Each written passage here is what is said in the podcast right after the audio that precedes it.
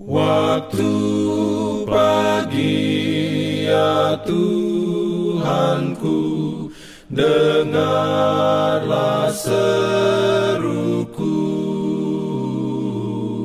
Melayang doa yang sungguh Memandang padamu. Selamat pagi pendengar Radio Advent Suara Pengharapan Mari mendengarkan suara Tuhan melalui tulisan pena inspirasi Agama yang bersinar. Renungan harian 1 Maret dengan judul Sukacita Karunia Tuhan. Ayat inti diambil dari Pengkhotbah 2 ayat 26 Firman Tuhan berbunyi, karena kepada orang yang dikenanya ia mengaruniakan hikmat pengetahuan, dan kesukaan. Tetapi orang berdosa ditugaskannya untuk menghimpun dan menimbun sesuatu yang kemudian harus diberikannya kepada orang yang dikenan Allah. Ini pun kesia-siaan dan usaha menjaring angin. Dalam pimpinannya. Urayanya sebagai berikut. Allah adalah sumber kehidupan dan cahaya dan sukacita bagi alam semesta. Seperti berkas cahaya dari matahari, seperti aliran air yang memancar dari mata air yang hidup, berkat mengalir dari Allah kepada semua makhluk ciptaannya.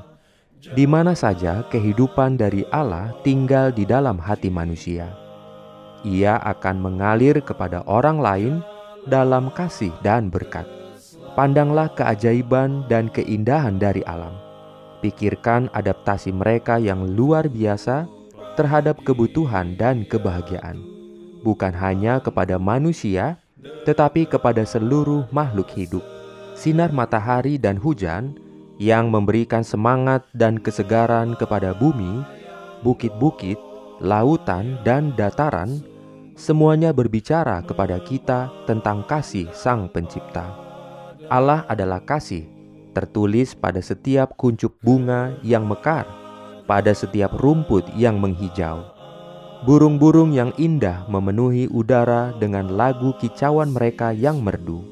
Bunga-bunga berwarna-warni dalam kesempurnaan mereka mengharumkan udara pohon-pohon lebat di hutan dengan dedaunan yang rimbun dan hijau.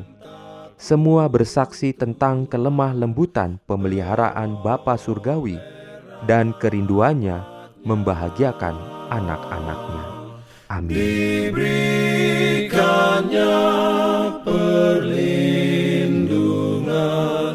Dalam pimpinannya.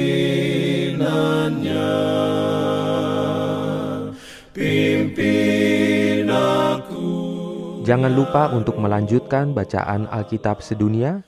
Percayalah kepada nabi-nabinya yang untuk hari ini melanjutkan dari buku Ezra pasal 9. Selamat beraktivitas hari ini.